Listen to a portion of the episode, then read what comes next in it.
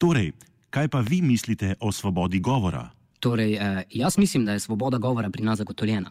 Tako sem eh, sam, recimo, zadnjič javno in jasno dejal: je ti mater, kurba, pica, hudičeva, da ti je mater in vse tvoje matere, ki so takdaj spravljeni ta pokan svet in da ti jebemo vse k***ce tega sveta, da ti jebem in jebem in fucking ne me.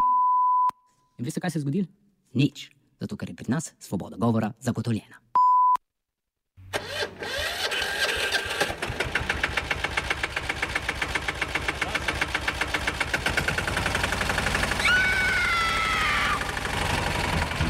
E, kaj pa je to? Ja, kultivator. Gre za neko vrsto apatije. To lahko reče samo kreten, noben drug. Socialni invalid in ga je ne mogoče urejati. Drugi kandidat.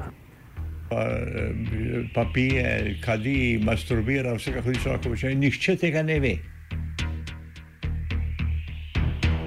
Vsak petek skultiviramo dogodek tedna. Lahko po kriterijih radio študent, težko pa po evropskih kriterijih. Ampak na drug način, kot vi to mislite. Kultivator vedno užge. Da pač nekdo sploh omenja probleme, ki so, in da pravzaprav sploh nekdo sproži dogajanje uh, v družbi. To drži, drži. Arigato za sir, hvala za avtomobile.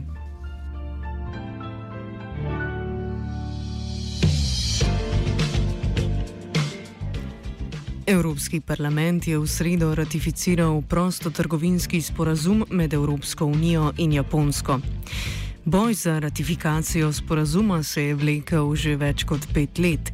Evropska komisija je dokument v končni obliki predstavila že decembra lani, na to pa je bilo pred glasovanjem v Evropskem parlamentu treba urediti še podrobnosti. Sporazum je po besedah Evropske komisarke za trgovino Cecilije Melstrom največji ne le v Evropi, temveč na celem svetu, saj pokriva največje prostotrgovinsko območje in s tem 30 odstotkov bruto domačega proizvoda na svetu. Tudi sporazum po besedah predstavnikov komisije ni le največji, je tudi najboljši in najbolj ozaveščen, saj je prvi, ki eksplicitno omenja zaveze, ki so na področju boja proti podnebnim spremembam nastale s prejetjem pariškega podnebnega sporazuma. Poleg tega je prvi prostotrgovinski sporazum, ki ga je Evropska unija ratificirala sama. Za veljavo dogovora med Unijo in Japonsko namreč ni potrebno, da ga ratificirajo tudi parlamenti držav članic.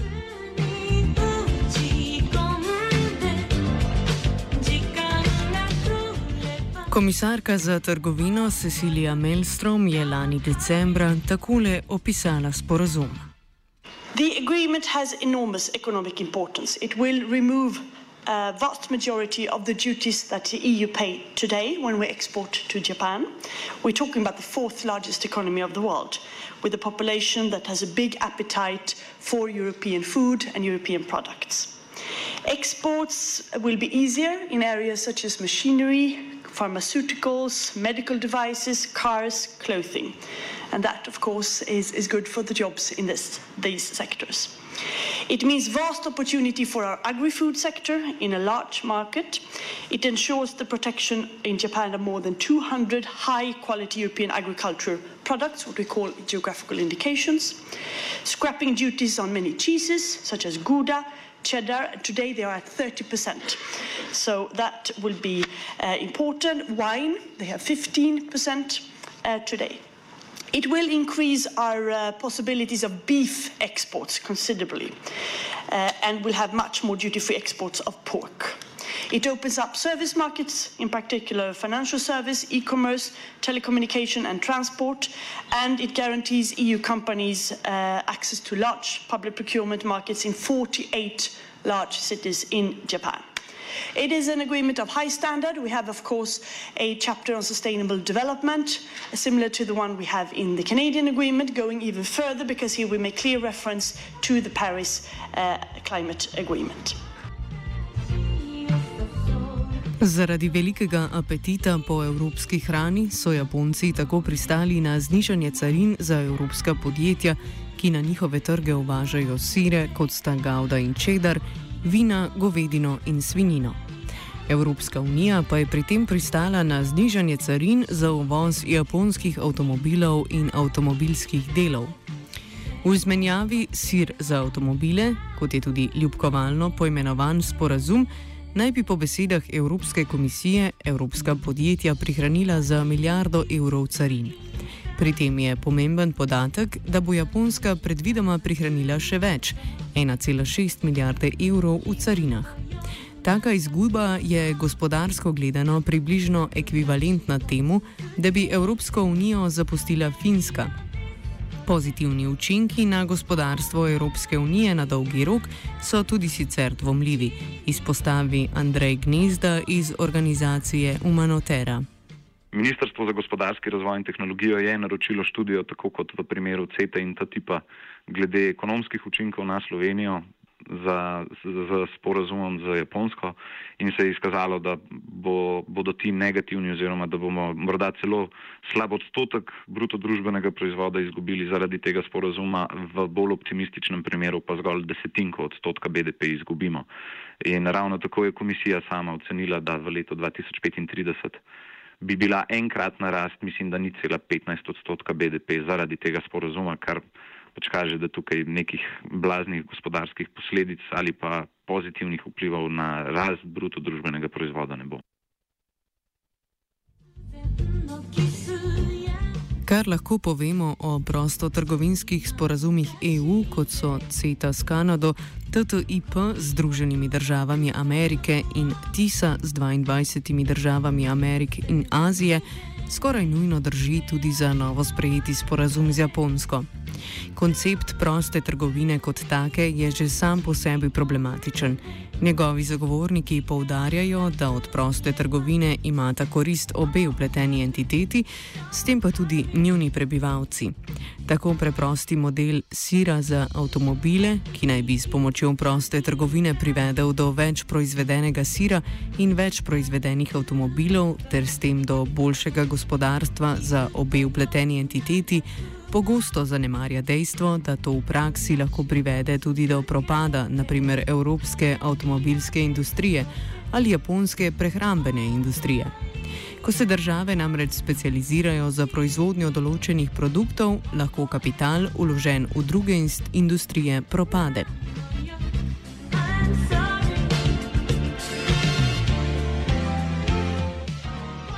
Tudi ko se odmaknemo od samega koncepta proste trgovine in se posvetimo direktnim posledicam, ki jih bo prostotrgovinski sporazum med Evropsko unijo in Japonsko uvedel, ugotovimo, da so problematične. Gnezda izpostavi, da sporazum, podobno kot CETA, predvideva negativen pristop k liberalizaciji storitev. Podobno kot sporazum z Kanado, tako, tako imenovana CETA vsebuje tudi sporozum z Japonsko uh, ta negativen seznam oziroma negativen pristop v liberalizaciji storitev. Poenostavljeno rečeno to pomeni, da tiste storitve, ki jih nismo eksplicitno zapisali v sporozum, eh, bodi si kot Evropska unija ali pa posebej kot Slovenija, ne bodo uh, izuzete iz trga. Se pravi, če nismo eksplicitno zapisali, potem je ta storitev avtomatično predmet liberalizacije in predmet trga. Težave tukaj sta dve. Prva je ta, da tiste rezervacije, ki so bile zapisane, se pravi, tiste izjeme, ki jih je Evropska unija ali, uh, zapisala, so šipke. Namreč pravniki dvomijo, da bo dejansko to nek učinkovit pristop, kako bi obverovali te storitve pred neko privatizacijo ali pa nadaljnim trženjem, uh, oziroma da postanejo predmet trga. Drugo je pa to, da vse storitve, ki se bojo šele razvile v prihodnosti, se pravi, ki danes ne obstajajo, pa bodo nastale zaradi nekih potreb v prihodnosti, bodo zaradi tega avtomatično predmet uh, trga postale. Klauzule, ki se navezujejo na zaščito storitev pred liberalizacijo, so po ocenah več pravnikov šibke, dodaja gnezda. Ko pa gledamo to uh, rezervacijo ali pa izjeme glede liberalizacije storitev, pa vidimo, da v sporazumu tudi piše, da si bodo obe pogodbenici prizadevali za to, da bi vse te rezervacije bom rekel, čim bolj zmanjšali v prihodnosti. Dobesedno tako govori uh, člen 8.5 v sporazumu. Mi smo skupaj v Humanitari skupaj z skupnostjo občin Slovenije uh, naslovili poziv na takratnega predsednika vlade Mira Cerarja, da to potencialno tudi pomeni, da lahko pride sporazum v nasprotje v praksi z našo ustavno ureditvijo glede področja dobave voda, je, kjer smo zapisali, da je prednostno se namenjena gospodinstvom in da se izvaja na nepridobiten način.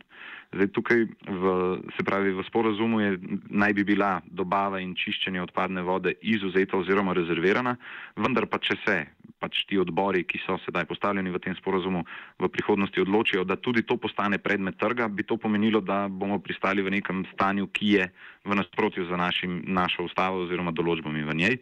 Na to smo upozorili predsednika vlade, dobili smo tudi nek odziv, ki nekako poenostavljeno rečeno dejansko pravi, da hipotetično bi se to lahko zgodilo, vendar ne verjamemo, da bo Evropska unija to v praksi tudi storila. Evropski parlament je sporazum ratificiral s podporo 474 in nasprotovanjem 152 poslancev. Glasovanja se jih je vzdržalo 40. Sporazum sta zavrnili poslanski skupini Evropskih zelenih in levice. Do zadnjega pa so o podobni odločitvi razmišljali tudi v stranki Evropskih socialistov. Glasovanje je potekalo pred dvemi dnevi. Slovenski poslanec Lojze Petrle je bil poročevalec za ta sporazum. V zadnjih dneh se je nekaj obetalo, da morda socialni demokrati oziroma skupina SND skupina v Evropskem parlamentu ne bo podprla tega sporazuma ravno zaradi tega, ker na področju trajnostnega razvoja nima nekih učinkovitih mehanizmov oziroma to poglavje ni uh, dovolj močno. No, na koncu očitno ni prišlo do, do takega scenarija in sporazum je bil skar dobro večino, preko 400 glasov, potrjen in ker gre za prvi EU-only, tako imenovani se pravi sporazum v izključni pristojnosti Evropske unije, tudi ne bo ratifikacij v nacionalnih parlamentih, tako da je sporazum praktično stopil v veljavo za dnem glasovanja oziroma so še neki, neke tehnični koraki potrebni za to, da bo dokončno stopil v veljavo. Hvala za vašo pozornost. Arigato.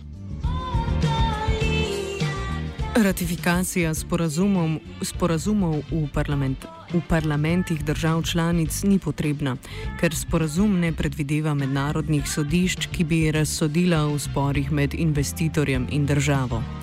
Glede vzpostavitve sodišč se namreč Evropska unija in Japonska nista uspeli poenotiti in zato sporazum sploh ne predvideva mehanizmov za reševanje tovrstnih sporov. Vzpostavitev sodišč je tudi ena od redkih točk, s katero je bila javnost seznanjena že pred predstavitvijo dokončne verzije sporazuma. Nekaj malega se je lahko izvedelo skozi te, bom rekel, javne dogodke, ki so jih imeli gospodarska interesna združenja uh, in pa v sklepni fazi pogajanj, recimo, se je takrat vedelo oziroma je bilo pojasnjeno, da je pač mehanizem ISDS, ki omogoča te uh, tožbe korporacij zopr države na uh, zasebnih arbitražnih tribunalih, da je ta, pri tej zadevi komisija in pa Japonska nista mogli priti skupaj, če tako rečem, in zato ni bilo vključeno oziroma se o tem sedaj ločeno pogajajo oziroma se bodo. In pa tudi varovanje osebnih podatkov je bila ena izmed tistih bolj problematičnih točk, kjer tudi niso uspeli doseči dogovora in je bila zato ustavljena tako imenovana uh, randevu klauzula, ki govori, da bodo čez pet ali deset let se ponovno ali pa prej usedli na to temo in poskusili doseči dogovor. Tako da to je bilo tisto nekaj, kar se je nekako v sklepni, sklepni fazi pogajanj prišlo v javnost, da je bila neka, bom rekel, spremembe oziroma uh, da ni bilo mogoče doseči soglasja. No, za ostale teme pa dejansko je zelo težko vedeti, kaj. Uh, kakšne so bile spremembe in kako je potekal, bom rekel, vsebinsko ta preoblikovanje sporozuma. Več mednarodnih organizacij, ki se ukvarjajo z lobiranjem v Evropski uniji, je opozarjalo na netransparentnost samih pogajanj. Šele decembra lani, ko je komisija predstavila prosto trgovinski sporazum in ko je bil ta že poenoten, je javnost dobila pogled v celoten dokument. Organizacija Corporate Europe Observatory je izdala poročilo, v katerem navaja, da so bili v nastajanje dokumenta v 90 odstotkih vključeni gospodarstveniki iz skupine lobistov, le v 4 odstotkih pa predstavniki civilne družbe. Komisija se je v procesu nastajanja sporazuma sestala s 190 skupinami lobistov in z nobenim predstavnikom sindikatov. Več gnezda. Ja, čeprav je komisija po TTIP-u, po CETI obljubljala večjo transparentnost, več vključevanja ostalih deležnikov in nek drugačen pristop, eh, sprotno objavljanje besedil in tako dalje, nič od tega v praksi se ni zgodilo.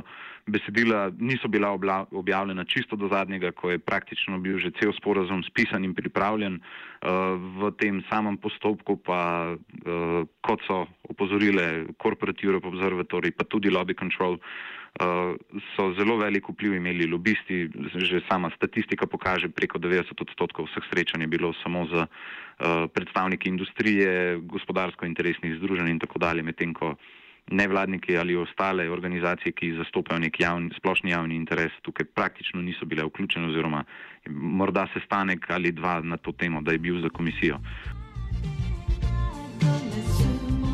Komisija je v pet let dolgih pogajanjih vse čas izpostavljala, da je prostotrgovinski sporazum napreden na področju boja proti podnebnim spremembam in boja za trajnostni razvoj. Gnezda izpostavi, da je pariški podnebni sporazum v dokumentu le omenjen in da boj proti podnebnim spremembam ostaja le na ravni te omembe.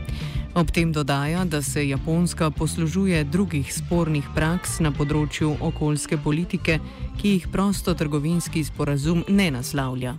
Kaj dosti več od same omembe pariškega podnebnega sporazuma dejansko ni v sporazumu, ni neke časovnice ali pa ukrepov ali pa načrta, kako boste zdaj oba obe podpisnici uh, zagotovili doseganje teh ciljev, kakšne ukrepe boste sprejeli, tako da gre dejansko zgolj za neko omembo tega sporazuma in neko leporečenje, ki pa v praksi ne bo prineslo tistih, uh, bom rekel, nujno potrebnih korakov, da, da zmanjšamo emisije in ostanemo pod dve stopinji Celzija oziroma stopinjo in pol. Po jedrski nesreči po Fukushimi se je Japonska tudi vse bolj nazaj vrača k uporabi fosilnih goriv in vse ocene ki kažejo, ki merijo, bom rekel, nekako izpuste Japonske oziroma kak, kakšne bodo posledice tega preobrata v energetski politiki, kažejo, da Japonska niti slučajno ne bo dosegla tistih ciljev, ki bi jih morala. In to v tem sporazumu ni naslonjeno na tak način, da bi prineslo neke. Uh, bom rekel, potrebne spremembe. Podobno je, naprimer, področje kitolova, ki vemo, je na japonskem zelo sporna praksa. Niti z besedico omenjeno v sporazumu, uh, tudi recimo Japonska, ena največjih uvoznic lesa na svetu, uh, ki je imela težave tudi z uvozom lesa iz uh, nelegalne sečnje, zopet nobenega, bom rekel, ustreznega mehanizma na mestu, ki bi to preprečil ali prepovedal ali kakorkoli omejil.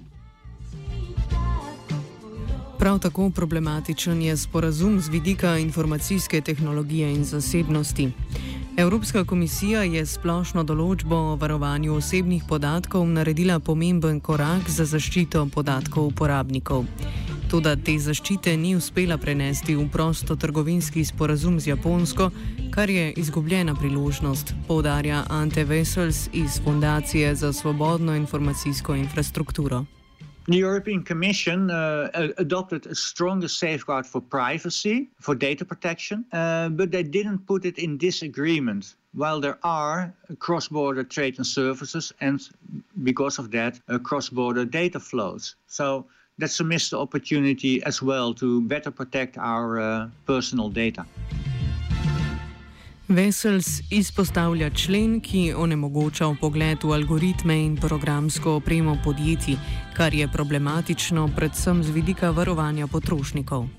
Uh, the trade agreement, uh, one of the points which is for me the most important at the moment, also because it's a new point, is that it undermines algorithmic transparency. And I will explain a little bit about that. You may remember that in the Volkswagen emissions scandal, Volkswagen had programmed cars to mislead researchers regarding the emissions. So it would have been helpful if the researchers could have looked at the software code. Then you can easily find out what's going on. And software can have more problems, like uh, some software takes decisions, and you want to check whether the algorithms in the software have a bias. Now, the trade agreement with Japan it contains a software code clause, and you cannot ask for the software code of companies of the other party. So, with uh, such a clause, you limit the regulatory supervision. And I think it's very, it's potentially a dangerous clause, and it shouldn't be in the trade agreement.